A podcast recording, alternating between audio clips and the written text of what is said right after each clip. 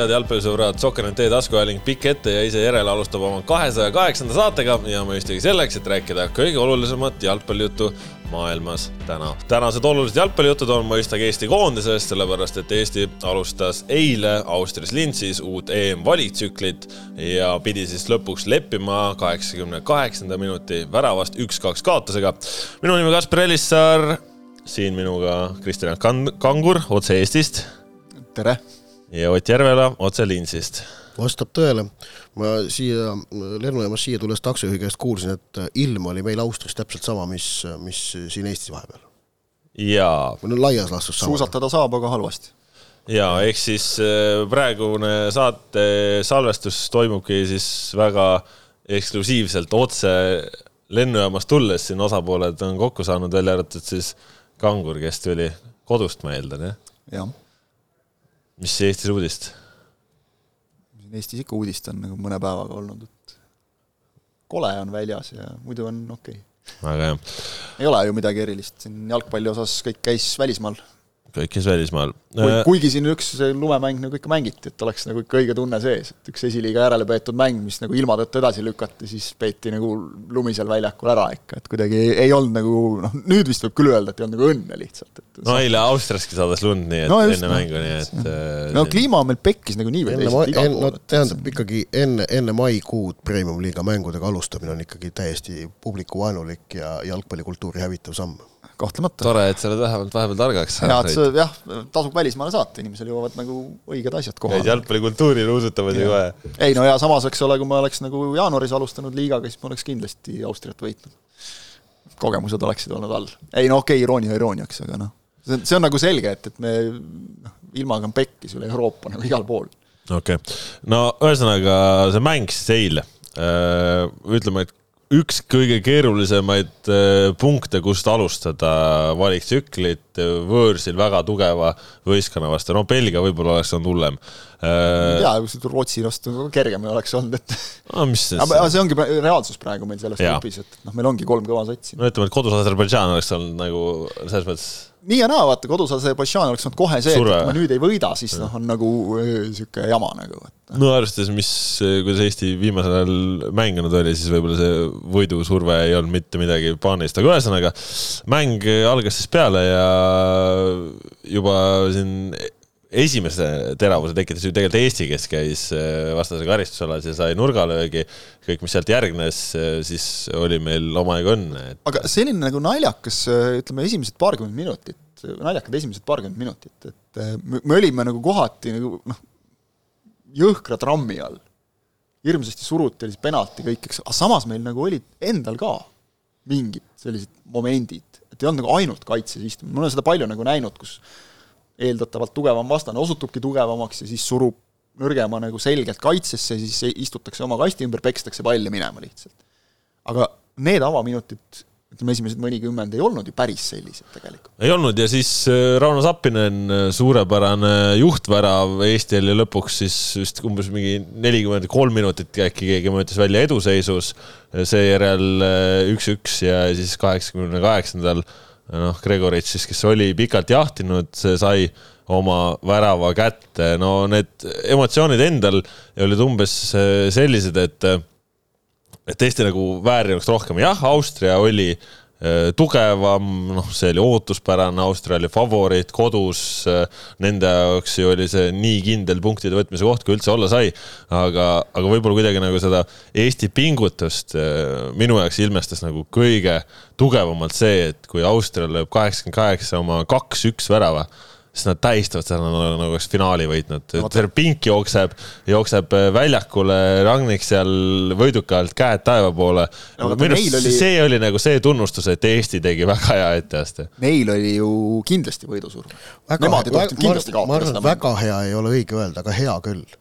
ma, ma, ma väga heaks Eesti etteastet ei nimetaks, aga yeah, heaks yeah,. Yeah nõus. et äh, aga minu meelest Ralf Ragnik pani mängule päris hea diagnoosi, et ta jalgpallist midagi nagu jagab võib vist järeldada. no teoreetik on ta kõva, vaata. jah, jah, aga, aga ütles, et ta tõi välja asjaolud, et ta suutis vahetustega mängu muuta, mis tegelikult vastab väga tõele, noh, David Alaba sekkumine andis Austria rünnakutele lisakäigu juurde, sellepärast et see tema osavus sealt tagant ja, ja visioon, kuidas ta platsi nägi, oli väga hea täiendus, muutis Austria mängu mitmekesisemaks ning, ning ka teised vahetused, noh, tegid oma töö ilmselt e,, e, noh, Kaints lõi ju värava, vahetusmees on ju üks-üks värava.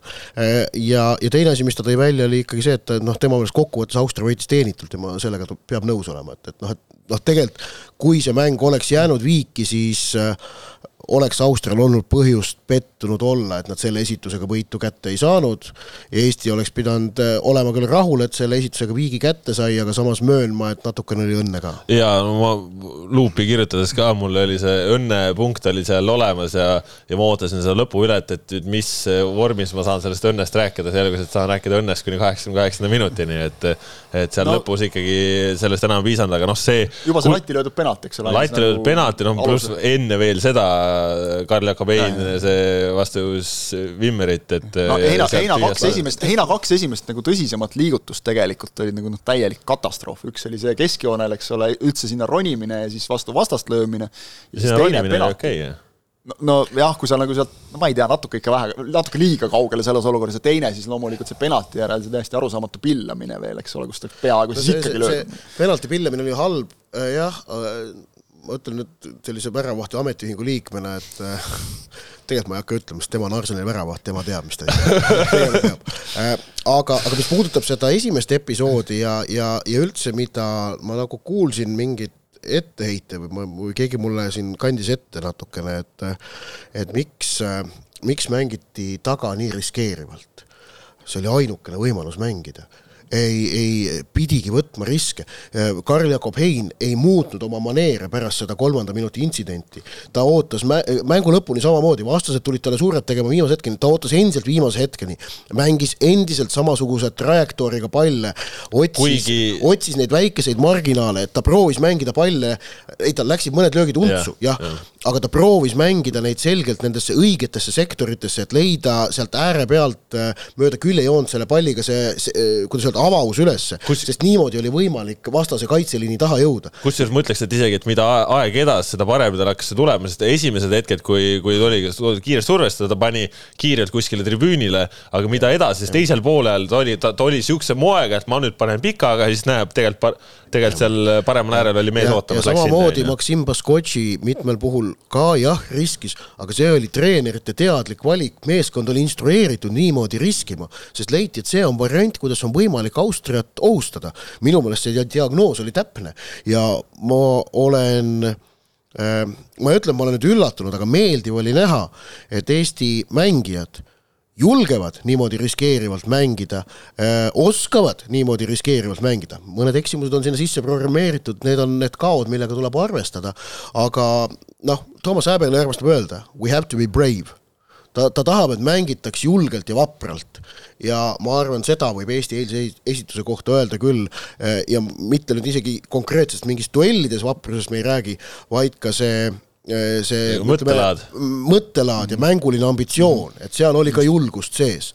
ja noh, kui me, kui me vaatame ikkagi reaalselt nende meeskondade liikmete teenistuslehti ja paneme need kõrvuti, vastase põhikoosseisus oli üks äh, mängija Hollandi, üks Šveitsi kõrgliigast, üks Prantsuse, kaks Itaalia, üks Austria, viis Saksamaa, kui ma nüüd peast ütlen, kõik kõrgliigade mängijad. Umbes ja kõik nii, oma klubides kas täiesti põhitegijad või niimoodi enam-vähem põhitegijad. Meil on, meie mängulised liidrid on Arsenali kolmas väravavaht, Saksamaa esiliigas hetkel väga heas vormis oleva võistkonna väga heas vormis olev keskkaitsja, kolmekümne kaheksa aastane, saja viiekümne kordne internatsionaal ning, ning Poola liigas viimase aasta jooksul kaks väravat löönud Rauno Sappinen need on meie meeskonna liidrid ja, ja, ja noh, minu kõigi, siin ei olnud, noh, noh, see on asjade reaalne seis, on ju, kelle, kelle me vastu paneme ja siis selle kooslusega me läheme praegu Austria vastu võõrsil ja anname neile sellise lahingu just nimelt, nagu sa ütlesid, et, et Austria tähistas seda nagu noh, väga suurt võitu. tõsi, Austria on, on selles mõttes kindlasti ka, e-, e-, e-, ega Austria mängijad, nad on ka väga noh, teadlikud ja kogenud, et ega, ega, ega Euroopa jalgpallis noh, selliseid väga lihtsaid mänge kipubki vähe olema, nad on, nad on ise ka valiksarjades siin kõrvetada saanud ja, ja ise kõrvetanud suuri. noh, see on see, mida Rannik ütles, eks ole, enne mängu, et noh, Eesti ei ole mingi Andorra, et lõpetage ära nagu, eks ole, et neid väga ja, väikseid on vähe, ma igaks juhuks nagu parandan või noh, täiendan, et, et Rumeenia kõrgliigas mängib poolkaitse ka kindlasti liidrit. jah, nõus, nõus. aga see on Rumeenia kõrgliigas. no ja, ja siis noh, vaatad, eks ole. aga, aga jah, seal on noh vahe on sees. Tottenhami noortemeeskonna kaitse, eks ole, et meil ongi nagu, et, et meil on Arsenal ja Tottenham on nagu klubid küll, aga et, et kus nad nagu reaalselt mängivad. kahe peale koos põhimeeskonna eest teinud üks koma null kolm mängu. umbes nii, jah. jah, äh, aga äh, et, aga mida Ragnik veel ütles ja mida ma võtan ka ikkagi ausalt öelda tõe pähe ja mida ma soovitan meeles pidada, on see, et ta ütles, et meie saime praegu Eesti vastu võidu kätte Äh, aga Rootsi ja Belgia peavad nendega kaks korda mängima ja ta noh, ütleme Ragnik oli ja ütles, okei okay,, meie peame ka korra mängima, aga ta oli nagu silmnähtavalt rahul ja õnnelik, et neil õnnestus esimest korda sellest Eesti tõkkest üle saada. Ja, ja ma arvan, ta sellega tegelikult sõnastas ka Eesti meeskonnale nüüd sellise reaalse sihi selleks äh, valiksarjaks, et see esimene mäng pani nüüd selle nivoo paika, me nägime noh, me nägime nüüd ära, kuidas me selle A-divisjoni taseme vastu saame ja A-divisjoni taset meil siin ju vastas on. on palju. just, Ehm, ehk et äh, need viis alles jäänud mängu, mis nende, nende, nende kolme tippsatsi vastu on, et noh, kui sealt õnnestuks kahes mängus mingi punkt kätte saada, oleks juba päris okei okay,, ma arvan. no see, see on asjade reaalne seis ja Aserbaidžaaniga ma ei ole nii naiivne, et ma arvan, et seal õnnestub äh, kuus punkti võtta, aga et omavahelistes mängudes plussi jääda moel või teisel see tundub, noh nüüd esimese mängu järel tundub see nagu selline, kuidas öelda, loogiline siht no ma ütleks eile jah, see no Toomas Häberli ju ka mängu järel ütles seesama, see julgus ja riskeerimine, sa rääkisid, et nende jaoks tundus, et jah, me võtsime selles mõttes palju riske, et väga palju jäeti üks-üks olukordadesse, väga palju olukordadest olid ilma julgestuseta aga kindla peale mängides ei saa no.. aga ta ütles, et ongi, et noh, nendele tundus Austria mängu analüüsides, see on ainus viis, kuida on võimalik nii-öelda vastu hakata. Ja noh, selles mõttes ju hakati. ja, ja, ja mulle tundub, mulle tundub, et see ei ole nagu üldse küsimus ei ole nagu ainult Austriale vastu hakkamises, vaid üleüldse, kui nagu midagigi tahad saavutada, siis me peame niimoodi mängima, me peamegi lihtsalt riske võtma, niimoodi arenevad ka mängijad, eks ole, noh muidugi praegu see näide on selles mõttes, kui sa neid mängijaid siin lugesid ette, eks noh, Käit Rumeenias Tamm Rumeenias, Mets Saksamaal, need liigad nõuavadki sinult ja, sellist mängimist. see on nüüd see, miks on oluline, et meil on koondislased välisklubides ja noh, muidugi ka see, et nad välisklubides mängivad. see, see on see elementaarne tase, mis sul peab olema selleks, et sa üldse Euroopas nagu vähegi tugevatele koondistele vastu saaksid. paneme siia juurde selle Häberli soovi noh, just nimelt olla julge see on minu jaoks kõige suurem pluss, mida saab siit mängust kaasa võtta, ma natukene pelgasin seda, et okei okay,, Maltat, äh, San Marinot, nende vastu me võime mänge kontrollida, me võime söötu lükata, me võime tunda ennast nagu enesekindlalt, seda on ju mängijad maininud, eks ole, pärast neid mänge, et seda meil oli vaja, meil oli vaja seda võidutunnet, seda, et noh, me suudame, oskame, tuleb välja küll, aga et kuidas see nüüd üle kantakse sellistesse mängudesse? Ja minu jaoks see mäng, kus me tegelikult alguses jäime päris korraliku surve alla, vedas ka, eks ole oleks võib-olla see penalti sisse löödud, võib-olla oleks enesekindlus natukene lagunenud, eks ole, jälle, et noh, saime veerand tunniga ikkagi esimese juba tuppa ja ja jälle kaotusseis, aga üleüldse kuidagi mingi see klõps on nagu ära käinud äh, Häberli ajal. et järelikult minu jaoks see näitab seda, et treener suudab panna mängijad uskuma enda meetoditesse, sellest oli, oli tegelikult teen hästi kiire kõrvalepõike, oli just juttu väga huvitavalt, kui toodi välja, miks Julian Nagelsmann Bayernist äh, kinga sai.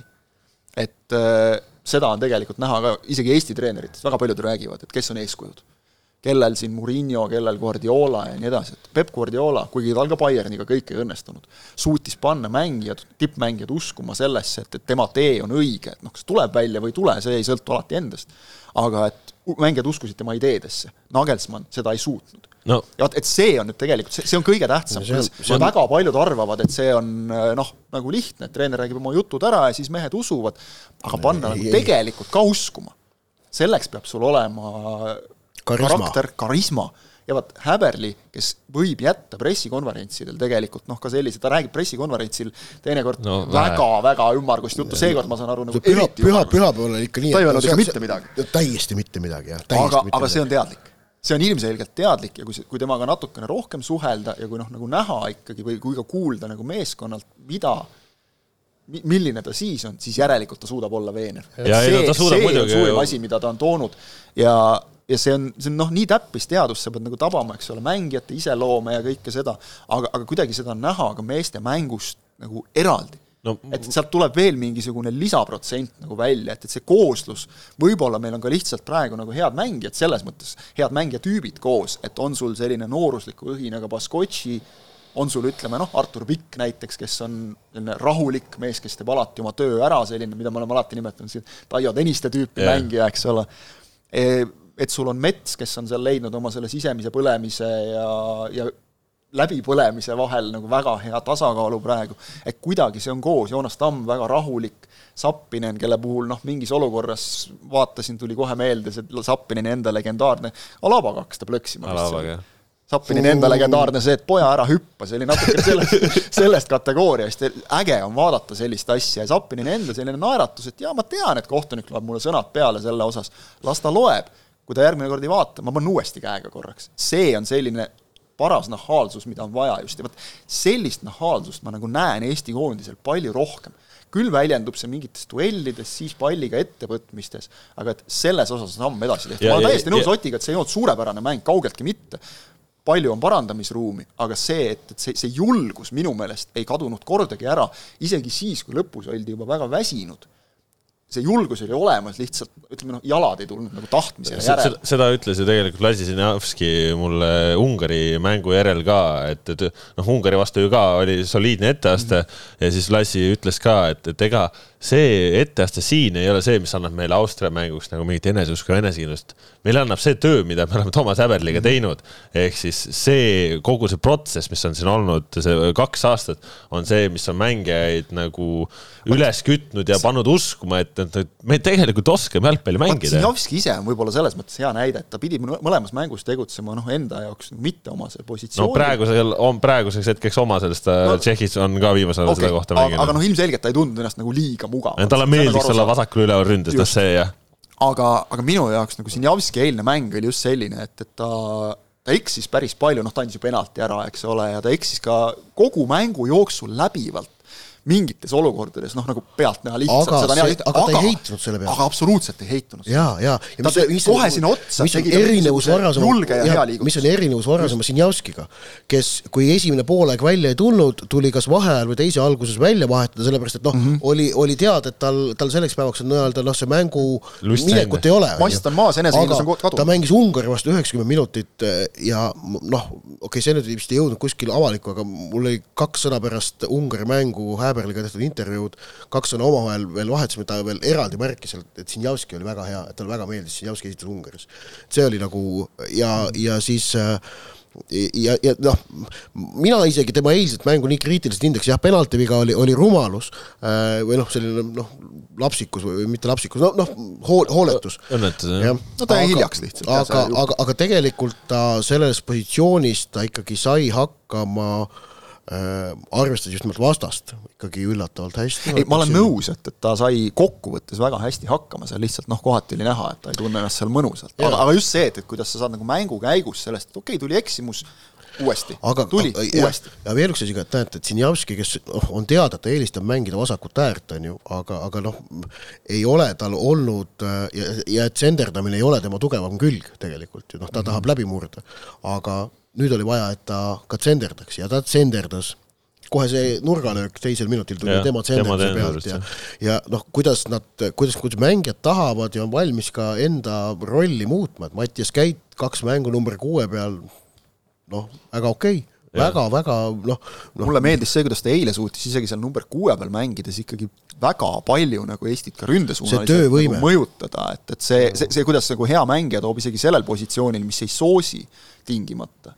Ehitamist. noh, me võiks rääkida number kuue peal mängides siis, eks ole, sellest, kui sa valdad palli, vastased on kaitsesse surutud, siis sul on ruumi, noh, see on tavaline, eks mm -hmm. ole, et mhm. siis tagant seal, ma ei tea, Pirlo käis ka seal keskkaitsjatest madalamal ehitamas, eks ole, siis on hea rääkida sellest. aga et ta suudab ka sellises mängus nagu kogu aeg ikkagi see, see positiivne mõtteviis ettepoole mängimine oma trumpide ärakasutamine, noh Ungari vastu eriti just tuli tal nagu ka väga palju praaki sisse.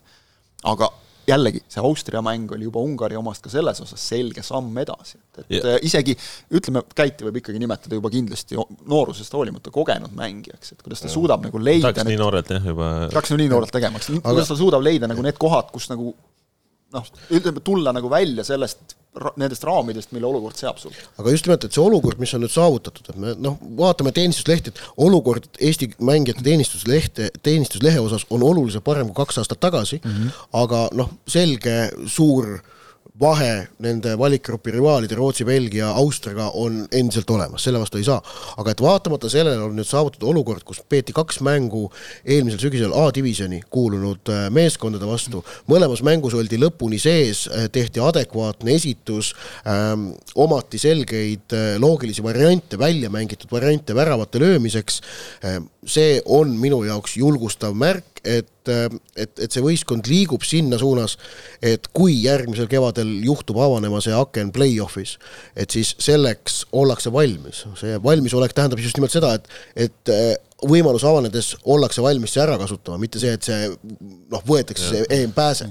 ütleme Aga... siis hästi lihtsalt nagu minnakse mängima. ja saab minna tegema seda, mida tegi Makedoonia Itaalia vastu mm. -hmm aasta aega tagasi. mingid eeldused on selleks ja. loodud, et ütleme, paar aastat tagasi me ei oleks saanud seda öelda, noh, see ei ole meie koht, et meil ja, ei ole mõtet sinna ronida, eks ole, et me, me ei suuda oma viljeletava mänguga, et noh, ühe, üleöö seda, eks ole, nagu ümber ei, ei mõtesta nagu, eks ole, ja, ja ründavaks ei muutu, et noh, me, me ei ol-, me ei saa sellise mänguga vastu lihtsalt, praegu on tunne, et heal päeval okei okay,, meil peab olema hea päev või isegi väga hea päev, vastasel kesine päev, aga on võimalus saada vastu. Eestil ei olnud eile väga hea päev ja me olime kolme minuti kaugusel viigist. just mis ja. on, mis on päris hea juba. ja, ja ma ei ütleks, et Austrial eile nagu väga halb päev oli. ma, ma, ma, ütleks siit jah, siit võib-olla natuke sihuke teema jätku, et, et kui Ungari mängus Eesti no, silmatorkavalt mitmel korral eksis keskväljal lihtsate söötudega, siis noh, tegelikult eile oli Eesti sööduprotsent mängu lõpus kuuskümmend kolm, austerlastel siis kaheksakümmend kolm, aga see tulenes ikkagi peamiselt sellest, et Eesti ülesehitusfaasis selle keskvälja jättis vahele. teadlikult. teadlikult, Toomas Häberl ütles ka, et me pidime mängima teistmoodi, pidime proovima neid pikemaid palle ja, ja noh, kui sa pika palli lased ükskõik siis kumma ründaja peale, siis ründaja on alati vähemuses kaitsetavast, kaitsjad on alati rohkem ründajaid, eks see selle pealt see protsent ka natukene langes, aga mis tegelikult mulle nagu torkas silma nii esimesel poolel kui ka teisel poolel, et Austria, kes on ikkagi väga noh, Gegenpressist on juttu olnud, on sellest on kirjutatud, et kes on tegelikult selline, ütleme, väga kiire väravale mineja, kellel meeldib pall võita siis uhama hakata. Nad ikka tormasid. just, aga et kui Eesti oli väga kompaktselt selle kasti esise kinni pannud, siis positsioonirünnakus olid austerlased, tegelikult nad olid hädas, et positsioonirünnakust nad ei suutnud välja võtta neid momente ja, ja noh ma ütlen alati nagu, alati mängu kohta sellise hea tõe annab see, et okei okay,, et statistikasse läks üheksateist pealelööki Austrial, aga hea selline kokkuvõte mängust on see, millised on minu öö, märkmed ülevaate jaoks, mis on tehtud. ja neid märkmeid ei ole väga palju kus on nagu tõeliselt ohtlikud momendid või midagi, et mida ma nagu väga-väga selgelt pean esile tooma. Ja see on äh, mingi nurga alt nagu väga kõnekas, et Austrial ei olnud üldse nii lihtne ja kui noh, pääseti löögile ja pääseti teate mingitel juhtudel ka nagu liiga lihtsalt ja keegi kuskil avaneski, mis tuleneski nendest riskide võtmisest, siis noh, üldiselt noh, nagu Kostja Vassiljev äh, pärast mängu või noh, päris, päris palju pärast mängu, kui ma temaga vestlesin äh,, ütles, et, et noh, tegelikult me suht tükk aega suutsime äh, austerlased enda väravast äh, üpris eemal hoida mm. ja, ja mis on veel, et selles olukorras, kus, kus siis noh, kaks satsi niimoodi heitlevad, siis Eesti sai trahvilööke rohkem kui Austria. Ja mis tähendab ka seda, et me ei jäänud. Zappinen teenis neid eriti hästi. mis tähendab, et me ei jäänud see oli, hiljaks. see oli väga tähtis, andis võimalust vaata ja. natukene hinge tõmmata. ja et me ei jäänud, me ei jäänud väga palju hiljaks ja me ei kinkinud vastasele liiga lihtsaid momente.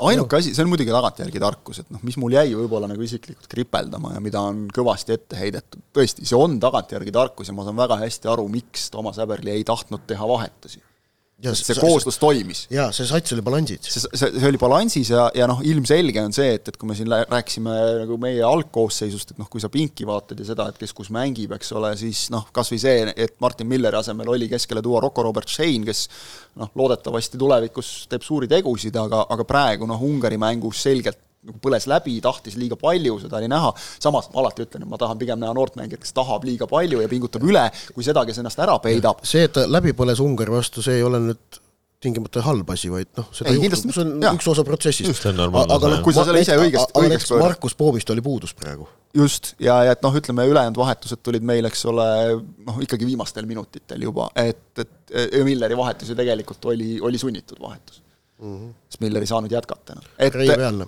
Et eh, noh, Reie pealne see näitab ka, et, tempo oli, oli no Milleril oli näha tal seal ikka paar, Konrad Laimer talle ikka paar korda näitas, et mis on see nagu täielik tipptase, et seal noh. no ärme unustame seda ka, et Milleril on siin olnud Eestiski, eks ole, viimasel ajal nagu vigastustega aa, no see vigastus ja lihtsalt nagu et noh, ei seal. võib-olla see, et sa ei saa- saanud lihtsalt nagu Konrad Laimer üldse no, super etteaste tegi ei ikka no kuule, aga need. ongi nagu, muidu Austria kapten on, eks ole, aga, aga lihtsalt see, et et noh, tagantjärgi vaadates Austria tegi vaheajal kaks vahetust, siis kuus, kuuekümne esimesel minutil ühe veel, et, et noh, see, see, tegelikult mingil hetkel oli näha, et mingid vennad lihtsalt enam ei jõua, et noh, see, kuidas Maksim Baskotši või ei saa hakkama kuidas Maksim Baskotši lõpuni mängis, noh, see oli nagu minu jaoks täiesti omaette ime, et, et Minu ainult aurude ja tahtejõu minu mis on nagu müts maha, aga, aga vot nüüd ongi see, et, et see, see oleks nüüd võib-olla nagu järgmine samm, et, et noh, kus, kuhu nagu tuleb veel jõuda.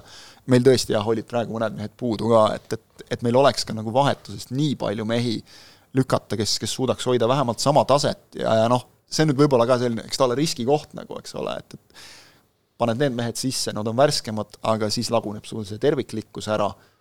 Noh, Häberli tegi sellise valiku, selle eest makstakse talle palka, eks ole, aga noh, ma saan aru, miks see nagu tekitab nagu selle küsimuse, et kas ei oleks võinud varem teha, see, see on kuidagi ajalooliselt Eesti klubide ja koondise puhul olnud minu meelest see, aga, aga vist mida ei tajuta nagu kõrvalt, ongi see, et küll treener paneks sisse värske mehe, kui tema silmis värske mees oleks äh, sama hea minul eile nagu tasku, taskutreenereid on kuradi ma iga telekaesine jah. täis. Mi- minul eile- taskutreenerite kohta minu jaoks mu nagu lemmik äh, näide on see, et, et kui kogu aeg käib jutt, et Eesti koondis on siit, no ei, halb ja nõrk ja ei jõua kuskile, avavile käib ära ja aga miks te ei pressi seda Austriat? miks te palli ei hoia, miks te ei lähe rünnakule praegu, aga no kus nad lähevad siis, kui nad nii sitad on? kus see loogika nagu on, eks ole, et siis saab nagu see loogika otsa. ma arvan, et selle koondise akna kõige suurem õnnestuja Eesti meeskonnas oli Maksim Baskotši.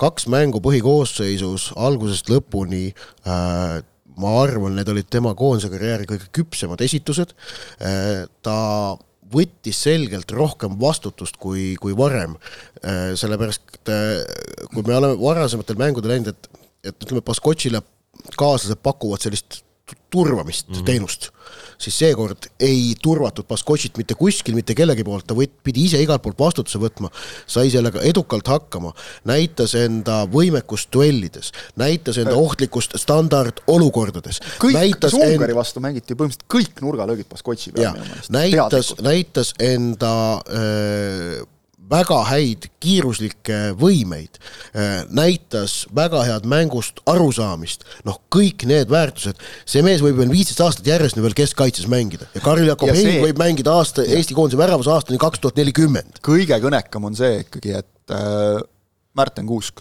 kes tegi Ungari vastu korraliku mängu, okei okay,, mõni väike viga lipsas sisse, aga, aga tegi korraliku mängu ja Baskotšit eelistati talle. see oli Austria mängu algkoosseisus, see see, see, kiirus, näitab, kiirus, kiirus, just. jaa, Baskotši kiirus. jah, kusjuures ega Kuusk ei ole aeglane mäng keskkaitse kohta, aga no Baskotšiga ei anna võrrelda Aga- Baskotši puhul, mis mulle jäi meelde, kõige paremini võib-olla oli äh, sööt, mille ta andis Senjovile Ungari mängus.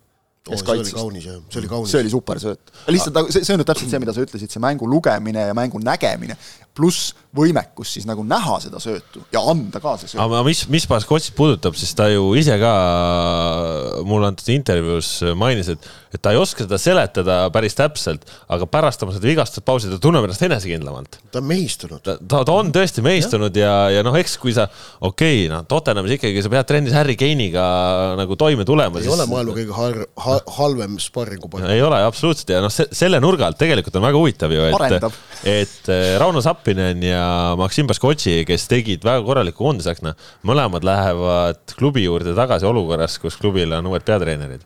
et mm. Sappinen sai vahepeal omale uue juhendaja ja, ja Tottenhamis ju ka esindusest on Conte läinud, et. jah, Baskotšil on isegi selles mõttes nagu kergem, et Kristjan Stellini peaks nagu vist natuke paremini olema kursis nagu sellega, mis seal madalamal ka toimub, et, et sul praegu vähemalt on hooaja lõpu, nii et äh, äkki noh, muidugi äkki Nagelsmann nüüd tahab väga tulla, et siis on kohe teisiti no,, aga aga et äh, praegu on nagu võimalus, näita ennast. ja me oleme rääkinud siin mingi nüüd varsti juba ligi kolmveerand tundi sellest, kuidas vaatamata kahele poole kaotusele tunni peal oleme alles. no pool tundi, vaatamata kahele kaotusele kõik on väga hästi, suur plaan toimib ja öö, pikas plaanis Eesti jalgpall on teel helgesse tulevikku, ehk et me On. täidame seda rolli, mida, mida mille eest meid vihatakse. mille, mille, mille eest Sokkerneti vihatakse, jah. ma lihtsalt tegin sellise väikse vahekokkuvõtte siia, lubate vast? ei, ikka aga, selles aga mõttes, et tegelikult ka, ma nagu ei suuda võtta seda koondise akent nüüd äh, negatiivses võtmes. ma, ma arvan, et see on, loomulik on muidugi tunda pettumust, eriti eilse mängu üle, kus, kus ikkagi punkt läks noh, lõpus napilt kaotsi no, peabki tundma pettumust tulemuste üle. aga, aga see ei tähenda, et ma arvaksin, et halva, asjad on halvasti või valesti no., vaid asjad on pigem nagu õigesti. ma, ma tooks siit äh, ühe isikliku paralleeli, et ma olen, mis puudutab koondist, ma olen nagu väga emotsionaalne ja ütleme Oleme nii, ütleme nii, et äh, kui koondis äh, teeb mingeid asju ikka väga halvasti, nad suudavad mind nagu väga närvi ajada. Või nagu, no ma ikka nagu suudavad nagu tuju ikka täiesti ära võtta, aga ma ei tea, mul eile oli okei nagu. ma mäletan isegi nagu seda, et, et on olnud ka mänge, kus nagu koondis on võitnud, aga noh, nagu koledalt võitnud Ja ja siis siis sealt ka suhteliselt tujust ära olnud, et mis on nagu jällegi nagu arusaadav, et noh, tulemus ja esitus ei ole üks ja sama. just, et kui, kui me oleks näiteks ütleme, ma ei tea, oleks me, oleks me eile noh, okei okay,, oleks me Austriat, oleks me näiteks viigi kätte saanud, ütleme. aga oleks sa- saanud selle oleks siiamaani lintsis veel noh. Jah, oleks saanud kätte selle mingi erakordselt nagu noh, nüri mänguga, no näiteks null-nulli ütleme. et noh, kas me siis nagu räägiks praegu siin nii optimistlikult, ei räägiks ju, eks ole, et loomulikult noh, kõike saab võtta alati ka nagu, nagu väga negatiivselt, et noh, me saime kaks korda tappa nagu, et noh, mi- miks me nagu ilusate kaotuste üle rõõmustame, eks ole, sest Ungari vastu oli tegelikult ka mängust oli noh, nagu palju positiivset võtta, eks ole, et Ungari on, ärme unustame, kellega ja kuidas Ungari rahvuste liigas mängis. Eks ole. mina, mina ei ole unustanud. et, et noh, see, see on nüüd see, et Ungari ja Austria, kuna nad ei ole nagu nii nimekad vastased, nagu on, ma ei tea, mingid Inglismaa või Prantsusmaa, siis tundub, et et nendega nagu noh, nendega me võiks ju ikka mängida, aga ma, Ma- ma, ütleme, need kaks mängu kinnistasid mu arvamust, mille ma ütlesin välja eelmises podcastis enne mänge. et Eesti jaoks ikkagi väga keerulised on need vastased, kellel on just selline, nagu Ott neid klubisid enne loetles, selline ühtlane, tugev noh, ütleme Euroopa isegi mitte kesk, vaid nagu ikkagi kõrgtase, võib-olla mitte päris, päris superklubid, aga, aga kõrgliigade, Euroopa top viis liigade klubid. et nende vastu, kus on see ühtlane tase on hästi suur, et ei ole ühte mingit superstaari, et nende vastu on meil isegi teinekord keerulisem ja oligi keerulisem, aga seda enam minu meelest saadi hästi hakkama. ja, ja absoluutselt äh, noh, kui siin ungarlaste kvaliteedist rääkida, siis mul lihtsalt meenus, et kuidas nägin eile Twitteris Dominic Šoboslai, mis ta eile õhtul seal sai vist nii-öelda UEFA poolt vooru kõige ägedama tehnilise soorituse. see oli päris äge, ma nägin ka seda jah, Twitteris nägin kuskil. no ta on päris hea mängija. selle linsis olemise kohta muidugi ütlen, et ei oleks kindlasti mitte linsis, sellepärast et kui välja jätta restoran Stiegel Klosterhof, kus pakuti väga rikkalikku mõnusat õhtupraadi meile pühapäeval, kui me sinna läksime, siis oleme ausad, selles linnas ikkagi suurt midagi muud väga vaadata ei ole. ei, ma ei tea, täitsa tore oli, ma käisin seal. vaata, mis ilm seal oli, vai- ilm on Vaitseda sama, mis jõge, noh, Atono jõge võib vaadata palju ilusamas linnas ka, näiteks Viinis. aga Budapestis? Budapestis võib ka vaadata. ei, mis linn see täitsa okei minu. meelest linn see ei ole, tead, mis tore linn. Ma ütlen, ma olen palju kehvemates kohtades käinud. sellega ma olen nõus. meenub Liis see-, meenub Liis. just, ma just mõtlesin, kui Belgiaga me mängisime, oli Liis, eks see, no see jah, ma saan aru, ikka pommiauk täiesti. jah, ei, linnas kindlasti pommiauk ei ole, täitsa nagu sümpaatne sihuke, sihuke natuke Tartu. kuule, unista edasi. no Austria on ikkagi ei, kultuurne ma ei saa unista edasi, mul on no, Tartuga oma teatav suhe ja ma ütleks, et see ah, oli. see ei ole mitte positiivne või? see ei, nüüd, nüüd meid üldse ei vaadata enam Tartu. Tartu, miks sa Tartut mõnitad praegu niimoodi, võrdled Linsiga? ei, ma ei valita Tartu Tartu selle juht lausa heade mõtete linn on ikkagi mõelnud välja hiidlane, nii et ei no jaa, aga noh, tähendab, no Tartu Sa, pead siin ma, ma, arvestama- pole, ma, pole- ma pole ammu kuulnud, et keegi ütleks Tartu kohta nii halvasti nagu sina praegu. Pead siin arvestama ka, et ka- hiidlane ei ole võib-olla laia maailma näinud nii palju lihtsalt kui pealinna mehed äkki on selles. see on ka tõsi jah, muidugi ilmselt. aga, aga okei okay,, et ei maksa muretseda, Eesti koondise järgmine mäng on Aserbaidžaaniga võõrsil, nii et siis, sa, siis saame, aru, mis on tegelikult ilusad ja mis koledad. Aserbaidžaan sai eile siis Rootsilt null viis. ja esimeses mängus Austrialt üks-neli, et, et noh. oota, aga kas nad ei läinud ka Austria vastu juhtima, kui ma õigesti mäletan? ei, ei, ei, ei, värava lõid, õige, jaa, jaa, õige, õige. üks, üks-kolm lõid vist mälu järgi. just, just, just, õige, õige. no Aserbaidžaan on alustanud halvasti, tähendab kaks sellist kaotust äh, võivad sageli tähendada sealkandis treeneri vahetust eks näis, siin on neil aega. no siin on see, et vaata Rootsil, Rootsil oli vaja nagu jälle ka tõestada ennast nende vastu, sest et ma nägin Rootsi-Belgia mängu ja, ja noh, Belgia seal oli Rootsist nagu selgelt üle, et, et kui rootslased seal lootsid äh, ühe suure ründaja õhtut, sest Zlatan on tagasi ja kõik, siis see oligi ühe suure ründaja õhtu, aga rootslaste õnnetuseks ründaja oli Romelu Lukaku lihtsalt mm.. kes oli ikka noh, jällegi tuli kohe meelde see, kuidas ta siin Joonas Tamme nagu jahukotti loopis Lillekülas, et, et selle mehega saab sel aastal ka päris raske olema. et, et jah, ütleme noh, niimoodi, niimoodi nagu võrreldes, et, et siis nagu selle mängu pealt vaatad, et noh, rootslastega võib ju mängida küll täitsa. ega neil on seal ka muidugi jälle see kõva keskmine tase, aga noh, Belgial on see, et, et tohutu, Belgiaga on nüüd see jama natukene, et, et me, me, eks ole, nendega mängime juunis siin ja siis septembris võõrsil, et et Belgia, nüüd me saame nad nagu noh, jälle teistpidi nagu halval ajal, et, et seal on näha, et et noor, noored tulevad peale. ei ole eriti.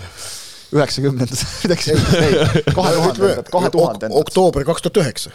jah, see oli väga okei. siis oli okei okay.. no siis neil oli Fellaini veel, et noh, siis sealt, selle pealt võis loota nagu natukene, aga jah ega, ega tegelikult, kui vaatad nagu tagantjärgi selle mängu nagu protokolli, et siis nagu mehed olid neil kõvad, neil oli lihtsalt mast maas.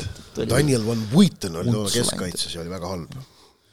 oligi suhteliselt keskpärane, aga, aga, noh, praegu ütleme siin tase veel, kui, kui vaatame laiemalt äh, Eesti, ütleme siis äh, saavutustele äh, mängijate mõttes, siis keskväljal ikkagi seda noh, kuue kohta, ma arvan, Käit seda enda omaks selles mõttes ei tee, et ta, kui Soomest tuleb tagasi, siis ta saab ikka kaheksa peale ja, ja praegu Aga... ei tõusnud keskpoolkaitset seda venda esile, kes oleks, oleks ennast sinna niimoodi kahe jalaga maa sisse löönud, et Häberli Äh, nüüd ainult temaga arvestaks. jaa, aga, aga selgelt on olemas nüüd jällegi üks valik juures Häberlil, et ta võib teha nii, võib teha naa. et, et ja neid valikuid tegelikult on siin viimase aasta-pooleteise jooksul koondise peatreenerile siia-sinna juurde tekkinud ikkagi. ning see on väga oluline ka, et, et ka selles koondises oleks eluterve konkurents, noh, me nägime praegu, et ründajatest Robert Kirst langes valikust välja, sellepärast et noh, ta Poolas ei ole mänginud piisavalt ja, ja nüüd sai võimaluse sai Sten Reinkord, kes minu meelest nende kahe põgusa vahetuses sekkumisega Äh, näitas ikkagi, mis tema äh, no tegi väärtus... eile kasvõi seal kahe minutiga eeltöö Sinjavski löögile pääsemisele. jah, et noh, noh, ta suudab oma, oma ebastandardsusega tekitada vastasel, vastasele probleeme. tekitas Ehk... Ungari vastu rohkem, kui suutis näiteks Erik Sorga tekitada, kellel oli jälle üks nagu hea võimalus, eks ole, millal ta nagu maha mängis seal, eks ole, ikka, ma ütleks ikkagi nagu ise täiesti, et jättis ja. õigel hetkel söötmata ja. ja eile sai lõpus sisse, okei okay, noh, lõpus oli vaja pikka meest, eks ole, aga sai Reinkord, mitte Sorga, et, et see nagu näitab ka minu meelest natukene ta, ta pakub midagi uut, et mida Sorga praegu pakub mul on, mul on isiklikult raske näha, et, et noh, energiat, aga noh, seda on ka Reinkord. ründajatel oli selgelt ju näha, et Austria, vabandust, Ungari mäng oli selge nagu äh, peaproov, et neljast kaks, need, kes paremini mängivad, need saavad põhisse ja täpselt mm -hmm. need ka said, Zappinen ja, Zappinen ja Zenjov ja esimene vahetusmees oli Ojamaa no, ja mis oli, mis oli väga loogiline ja Reinkord oli siis nõnda öelda X-faktori vahetusmees. aga, aga ühesõnaga, et on tekkinud konkurents, on, on edurivis, Alex Mattias Tamm soovib endiselt koondisesse jõuda, aga tal on vaja nüüd Kalju eest korralik vorm saavutada mängida ja mängima hakata. kusjuures ma lihtsalt vahele ütleks tegelikult. mitte mängima hakata, väravaid lööma hakata. ma ütleks siia vahele, et tegelikult Zappineni ja Zenjovi duo toimis eile väga hästi ja Zenjov äh, suutis täita seda lünka, mida muidu pakub Anier, mis on äh, pallide säilitamine, edasi suunamine, õhuvõitluste võitmine. selles osas Zenjovilt nagu noh, erakordselt hea mäng, ma ütleks, et see ei ole tihtipeale olnud nagu noh, ei ole ka olnud tema ülesanne tingimata, aga seda ta tegi nüüd küll nagu väga hästi ja siis on meil Anier, eks ole, noh, meil nagu pa, on pa, parem kaitsesse oleks noh, no Michael Lillander praegu vigastatud, et aga noh, et, et Tõniste ja Lillanderi kõrval seal noh, tahaks veel midagi näha, aga on see raske jah, no noh, ta on parem hääl, aga, aga, aga, aga tegelikult on nagu neid valikukohti mujal ka, et keskkaitses ka nüüd see Baskotši Kuusk ikkagi, et, et et ennem oli see, noh, tundus, et see segamets on paigas, on ju, Tamm, Kuusk, Mets, aga, aga, aga, aga nüüd eh, ei ole.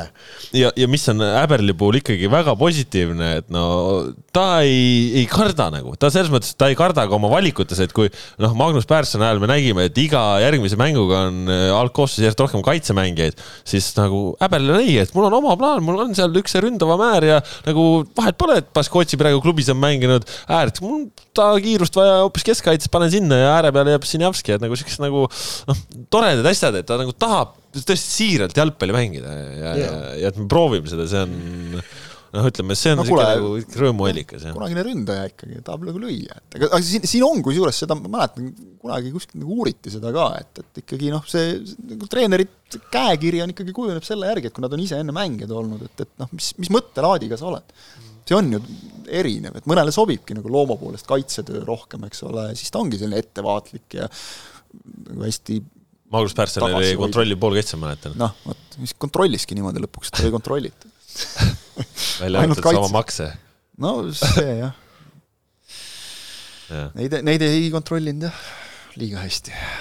aga ei, tegelikult nõus, et, et isegi olukorras, kus meil oli ikkagi noh, päris no, mõni mees nagu puudu, noh, Soomets võib-olla kõige nagu märkimisväärsemalt, siis, siis tegelikult nagu seda koosseisu vaatad, et noh, seal, seal on sisu. aga ma leian, et, et siin ongi praegu see, et, et noh, kes on näiteks Georgi Dunjov, eks ole, või Rocco Robert Shane, nad peavad välismaal lisaks olemisele saama ka nagu väga stabiilset seal mänguaega, et nad suudaksid siis keskväljale tuua samasugust äh, energiat. või siis Dunjov nüüd näha, et ka ikkagi vasakule äärele no,, et kui on vaja seda, seda tsenderdust sinna, et siis Dunjov tundub üldse olevat seda tüüpi mängija, kes on nagu võrdlemisi universaalne, et, et kes noh, kellel nagu on, on ka see palliga olemine nagu piisavalt mugav, et no väga, palliga olemine on ta väga mugav. ikka nagu väga erinevatel positsioonidel kasutada vajadusel.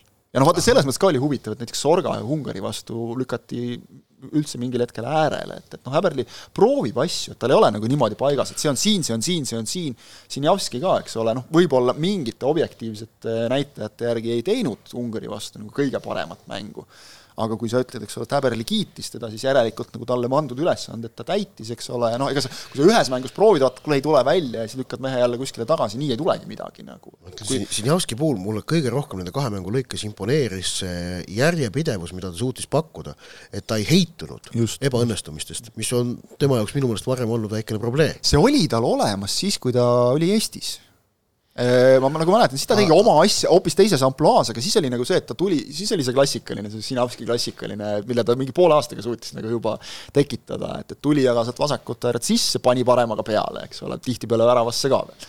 aga, aga siis mingil hetkel see kadus nagu ära tal jah, et ta nagu ei, kas, kas ta ei leidnud oma rolli nagu väljakul või noh, vaata välismaale minnes ka ta ei saanud ju kohe seal põhimeheks, et siis, siis tekkis jah mingi selline kõhklus, et varem ta oli minu silmis nagu väga selline mõnusalt sirgjooneline mängija, et, et, et nüüd mõnes mõttes on nagu jälle ja seda on hästi hea näha. aga päris huvitav on see, et tegelikult kaks mängu, mis me siin nüüd märtsis pidasime, keskkaitse, mis on kõige olulisem koht üldse nagu ütleme Eesti jaoks, viis erinevat venda keskkaitses ja nagu pidas mõlemat pidi. No Nikita Baranov natuke langes ansamblist välja nagu seal Ungari mängus mingites asjades, aga Baranovi roll, ütleme sellise noh, ma ei tea, neljanda-viienda mehe, no pigem viienda mehena praegu, kui kõik on terved, on minu meelest väga oluline endiselt, et tal on ikkagi kogemused ja, ja mingisugune klass, mille no tal on nagu jalaga mäng on see, mis on tal väga hea. mängib mingi koha välja. ja et, et on mingil hetkel, hetkel on ka mängud, tõsi, mitte nüüd selles valikgrupis on neid pigem vähe, kus Eesti võib eeldatav domineerivam pool olla, siis just nimelt näiteks ka selles mängus Ungariga oli ju näha, kui Baranovil oli vaja ühe puutega söötu ka otse õhust edasi lükata, siis nende kohalejõudmisprotsent oli väga hea et jah, tal tekkisid muudes elementides äh, teatud raskused, aga näiteks, et, et seal keskväljal, kui ta oli, oli ka nagu noh, rünnakul poolenisti kaasas, palju tema poole ühe puutega suunas hopsti keskele poolkaitsjale edasi ja nendes asjades on ta täpne ja on ta tasemel. ehk et igal, need keskkaitsjad on meil ka natukene erinevat tüüpi mängijad, mis on kahtlemata ka hea ja tähtis. ärme unustame veel Pürgi ka ära, eks ole, kes Just. on ka täiesti olemas ja noh, ma ei tea, isegi siin Marko Luka võib võib-olla servapidi juba lugeda. no Luka, Luka oli ju rohkem koondislane kui Pürge, ta on Pürgis sees. seda küll, jah et, et on, on nagu ka täitsa ringis sees, et aga jälle see sisemine konkurents ja noh, okei okay.. ja noh, nüüd on, nüüd on ju veel uued mehed, Lipp ja Tõuges. ütleme, Lipp, Tõuges, Pürg, Luka, noh, kõik on sellised, Baranov ka nagu on ikkagi nagu noh, nii-öelda nagu parimas mõttes varumehe rollis, aga just see, et, et nagu neljast väga heast kolm mängib, see hoiab neil ka ora parimas mõttes Baranovil ründajatel on sama aura, noh, okei okay,, väravahtide osas on hierarhia paigas, aga väravahtide osakond on tugev, nagu näitas muuhulgas ka Valneri mäng talvel Islandi vastu, kes on siis kolmas number, on ju, Igoneni osas, noh, ma ei ole kellelgi, ma arvan, erilisi kahtlusi, mees mängib praegu kogu aeg lihtsalt. jah, noh, ääred on see, kus, kus nagu tahaks rohkem valikut aga no, no ütleme, et vasakul aga, aga, kaitse mõttes sul on Pikk ja Kallaste, noh, Pikk, väga korralikud mängud, kaks tükki. on näha, et ta on ka Poolas väga hea soos, kohe kandub üle üle see klubi vorm ka koondisesse. ja mõlemad, mõlemad on sellised, kes suudavad nagu pole mitte midagi ette heita. piisavalt palju kaitsva, kaitsva äärekaitsjana või äärena ka rünnakusse. jah, sest mõlemad oskavad teha seda, mõlemal on korralik jalg ja. mõlemal ei ole probleemi, ei ole sellega probleemi. ja keskpoolikute osas on ka variatsiooni mitmekesist, aga miks ma ütlen, et äärtele tahaks rohkem valikut, on ka see, et tuletame meelde, miks Eesti mängib sellist süsteemi nagu praegu, selle ju Häberli saatis kohe ära kohe ära, just nimelt ääri pole. et, et kuna ääremängijaid Eestis, nii äärekaitsjaid kui ääre, äärepoolkaitsjaid, ääreründajaid on tema meelest tasemel liiga vähe, siis tuleb kasutada vähe ääremängijaid ehk et eh, noh, alati võib juhtuda ka, et noh, et kui, kui, kui neid ääremängijaid oleks rohkem ja mitmekesisemalt, siis võiks tekkida ka mingisugune, mingi, mingisugune ka positsiooniline varieerivus, aga praegu pole, oleme ausad, ju mõtet seda kuidagi muutma hakata. ei ole, see asi töötab praegu, jah. see töötab ja, ja toimib. aga ja, see annaks võimaluse mängu käigus näiteks, eks ole, vastavalt vajadusele muuta rohkem, et praegu ongi see, et, et noh, sul ei ole nagu seda, eriti seda võimalust, et noh, isegi vaat nagu Hendrik Ojamaa, eks ole, kes noh, keda me nagu oleme harjunud temast mõtlema kui ääremängijast, kui sa isegi praegu Floras vaatad, siis väga tihti kasutatakse seda, et Ojamaa läheb ka keskele, kuskile sinna teiseks number no, kümneks, nagu nii öeldakse. Ojamaa võib selles süsteemis äärt mängida kenasti. on mänginud, on mänginud ja, ja saab väga kenasti hakkama. aga et noh, jällegi, et sa saad nagu, kui ta on näiteks sul platsil, eks ole, et sa saad teda kasutada nagu, nagu nüüd Ungari vastu ründajana, noh, nüüd tuli, eks ole, üldse Austria vastu Zappinini asemele lõpuks, saad, saad ründajana kasutada teda, saad kasutada teda ääre peal, aga et sa saaksidki siis ka nagu vastavalt natukene nagu asetust varieerida, eks ole. See, sellest praegu jah, võib-olla natukene on nagu puudu, et neid käike võiks, võiks olla rohkem, aga, aga noh, see, ütleme, suund on õige, see on nagu põhiline, et see, miks me nagu räägime vist, ma arvan, kõik nagu oleme nõus, et positiivselt on see, et et, ma, ma näen nagu, kuidas, mis suunas minnakse, ma saan aru, miks minnakse, ma saan aru, et, et siin saab minna veel paremaks ja noh, see tundub praegu vähemalt nagu kõigi märkide järgi ainuõige suund.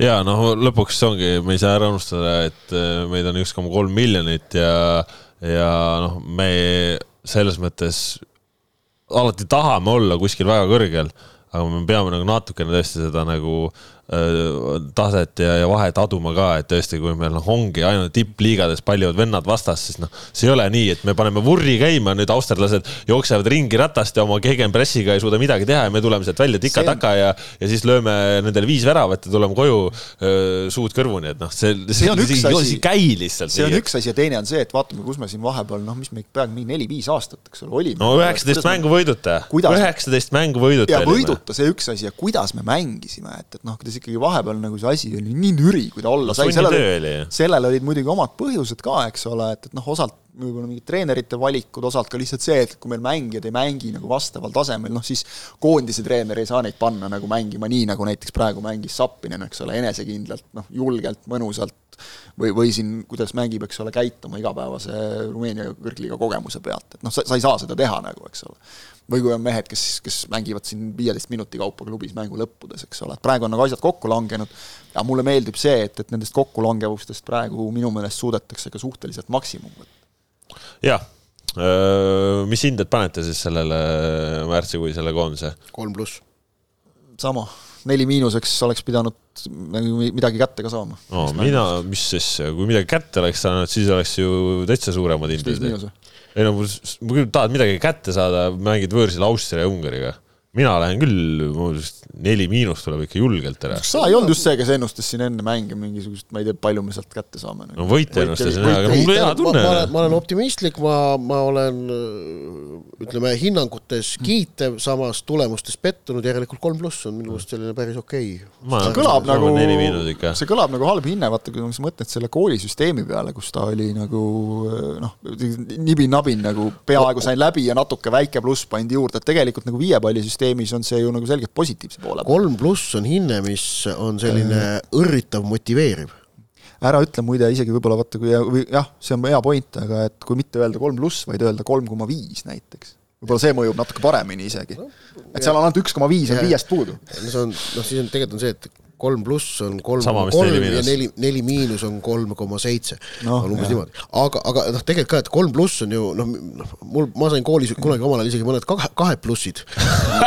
sa mitme plussiga kahte oled saanud või? ei ole, ma olen. Noh okei okay.. tervitan oma matemaatikaõpetajat siinkohal, et, et Jah. ta, ta ta tahtis parimat, aga need äh, kaks pluss pluss, need tegelikult nad liiga hästi Jah. ei motiveerinud, sest kirja läks ikka kaks ju. Ja aga uuesti pidid, tegema. aga, tegelikult, tegelikult need plussid Ja sa oled aeg- neid et kommentaare. üritada ja motiveerida.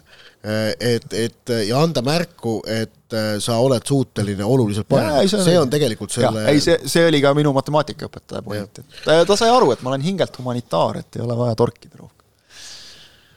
No aga ei, ma jah, ma ütlen samamoodi nagu, et kui, kui sa hinnet küsid, siis ma annan ka kolm plussi, aga see, see pluss on väga suur ja rasvane ja, ja ma olen tegelikult sellega, mida ma nägin, olen ma rahul. tulemused on teine asi, aga see, mida ma väljakul nägin, sellega olen ma rahul just selle tõttu, nagu ma ütlesin, et ma kartsin, et seda, mida tehti nõrgemate vastaste vastu, ei õnnestu nii hästi üle kanda mängudesse tugevamate vastastega, need kaks mängu andsid mulle kindlust, et õnnestub küll, suudetakse küll. ja, ja ma arvan, et kui see koondis võtab praegu, praegu tänagi veel, ma olen kindel, et on pettumus, suur pettumus, noh niimoodi ikkagi ilma jääda kaheksakümne kaheksandal minutil, võib-olla mitte nii suur pettumus nagu äh, iirlaste kaitsjal Nathan Collinsil, kes juba põhimõtteliselt oli värava löönud, siis Mike Magnan tõi üks-üks viigivärava kuskilt ristnurgast välja ja mängu lõpust oli mitu minutit möödas, Nathan Collins seisis väljakul, võeti järjest suurde plaani. mees küsis ainult ühte asja, kuidas?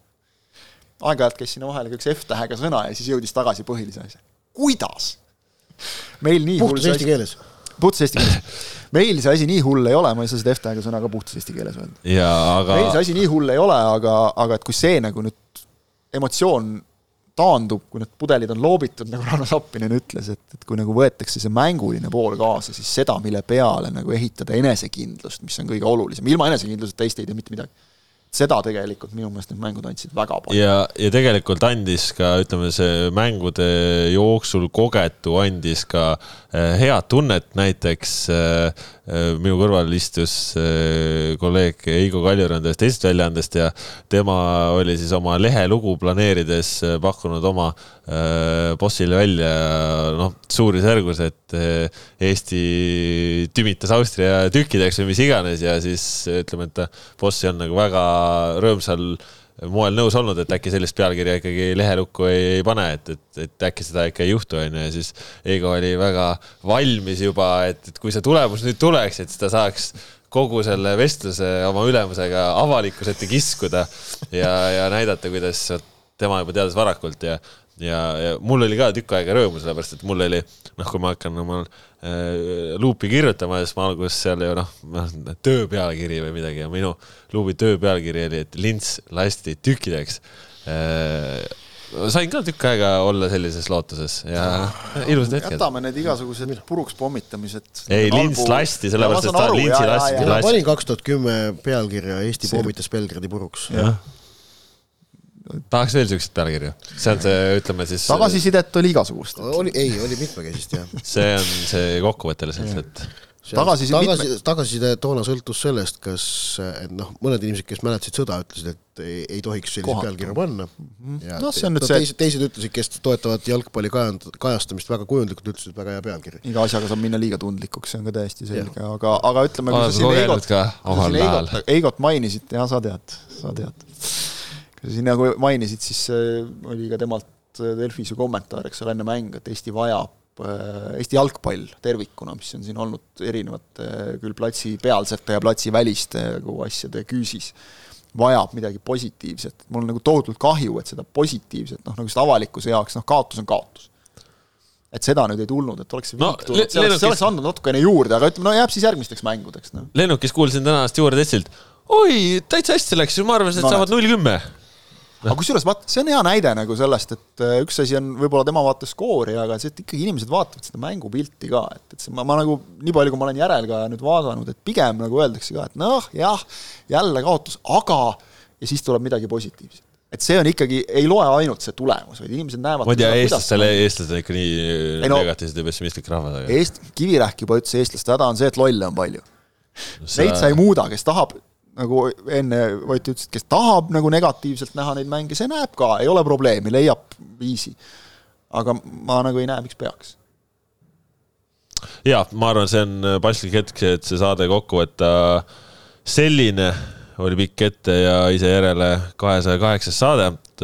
taustalt toimetajalt tuli infot, isegi lätlased olid kiitnud Eesti mängu ja no eks lätlased muidugi kiidavad kõike, mis on nendest parem, nii et aitäh siis lätlastele sellegi eest Äh, ja sellised jutud täna, saate teid teine Kaspar Elisser, Kristjan Jaak Kangur ja Ott Järvela. uuel nädalal uued jutud, siis juba premium-liigas, sellepärast et nädalavahetusel mängitakse seda ka ja kes veel tahab mingit muud jalgpalli vaadata, siis leiab ka seda. jah, tuleb udune Albion ka tagasi jälle ja, ja siis vähem kui seitsme päeva pärast kohtume. seekord. seekord jah, ja mingit tundide arvu ei hakka ütlema, nagu korüfeed mingites saadetes teevad. ei, ei, ei, ei me ei tea. me ei ole korüfeed. me oleme paindlikud. me oleme ainult paarsada saadet teinud, me oleme mingid korüfeed. jah. seekordne saade siis selline otse linsist peaaegu Tallinnas. Adjöö.